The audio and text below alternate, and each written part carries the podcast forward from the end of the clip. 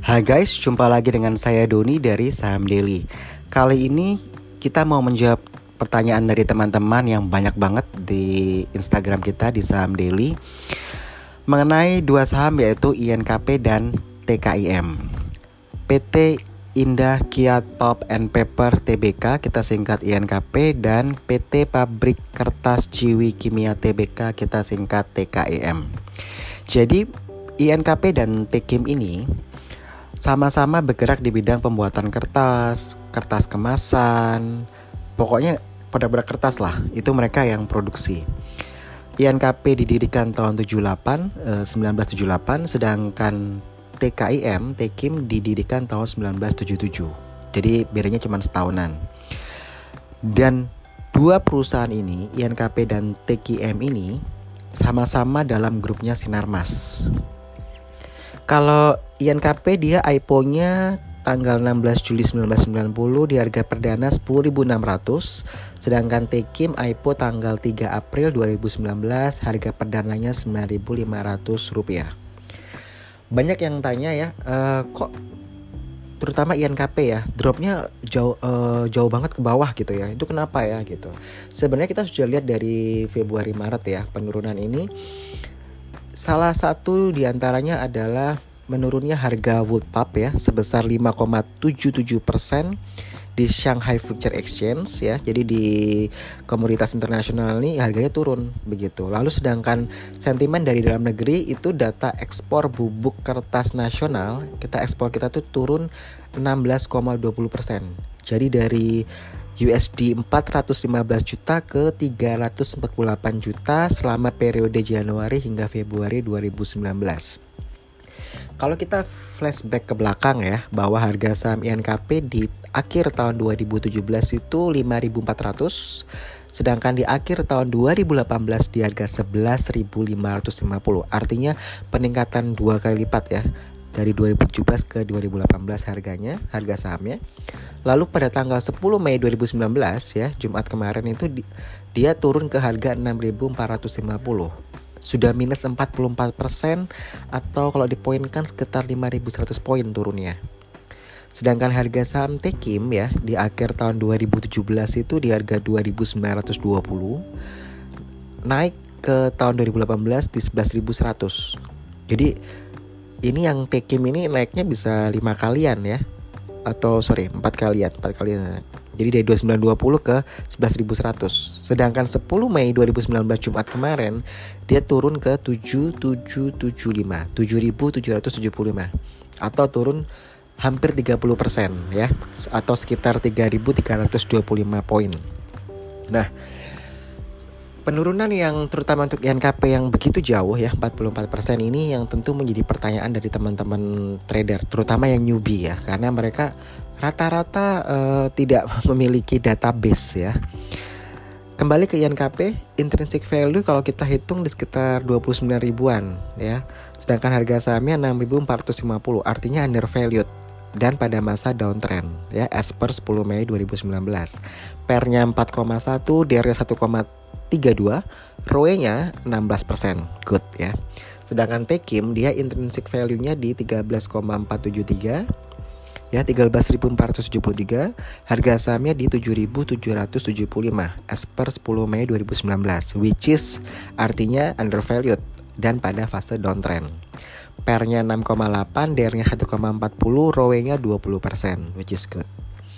Nah yang jadi pertanyaan adalah setelah INKP dan Tekim kenapa dia turun harga sahamnya? Ya karena kita lihat bahwa kenaikannya di 2017 dan 2018 itu itu sangat jauh sekali sehingga kalau bandar ya melakukan profit taking ya wajar. Karena kalau dia beli di harga 5.400 terus harga saham 11.000, 12.000, 13.000 dia jual hingga ke 6.450 dia kan pasti profit taking tuh. Kalau dia beli di harga 5.400 sekarang masih 6.450 dia masih bisa jual lagi terus gitu. Sama dengan Tekim dia beli di, di 2920 sedangkan harga dulu 11.100 ya dia jual aja terus. Sekarang masih di 7.775 lantas pertanyaannya apakah kita harus tunggu sampai harganya INKP 5 ribuan baru kita beli? Atau kita tunggu Tekim harganya sampai 2.900 baru kita beli?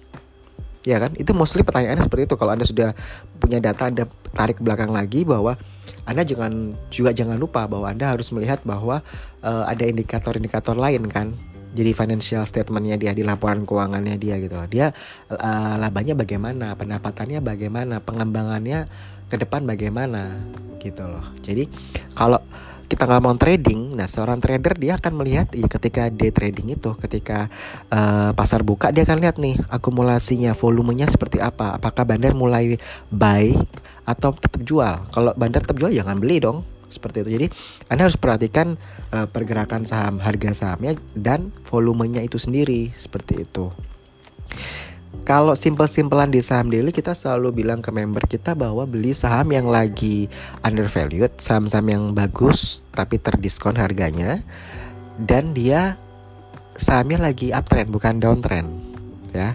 Jadi tapi ini juga kembali lagi pada uh, sistem trading Anda ya. Bagaimana Anda melakukan analisa data sehingga Anda mengambil keputusan time to buy, time to exitnya kapan gitu ya. Jadi kembali ke masing-masing trader juga. Cuman yang kita di saham daily garis bawahi bahwa uh, seorang trader atau investor dia harus punya database yang cukup, punya skill yang memadai, punya knowledge yang oke. Okay.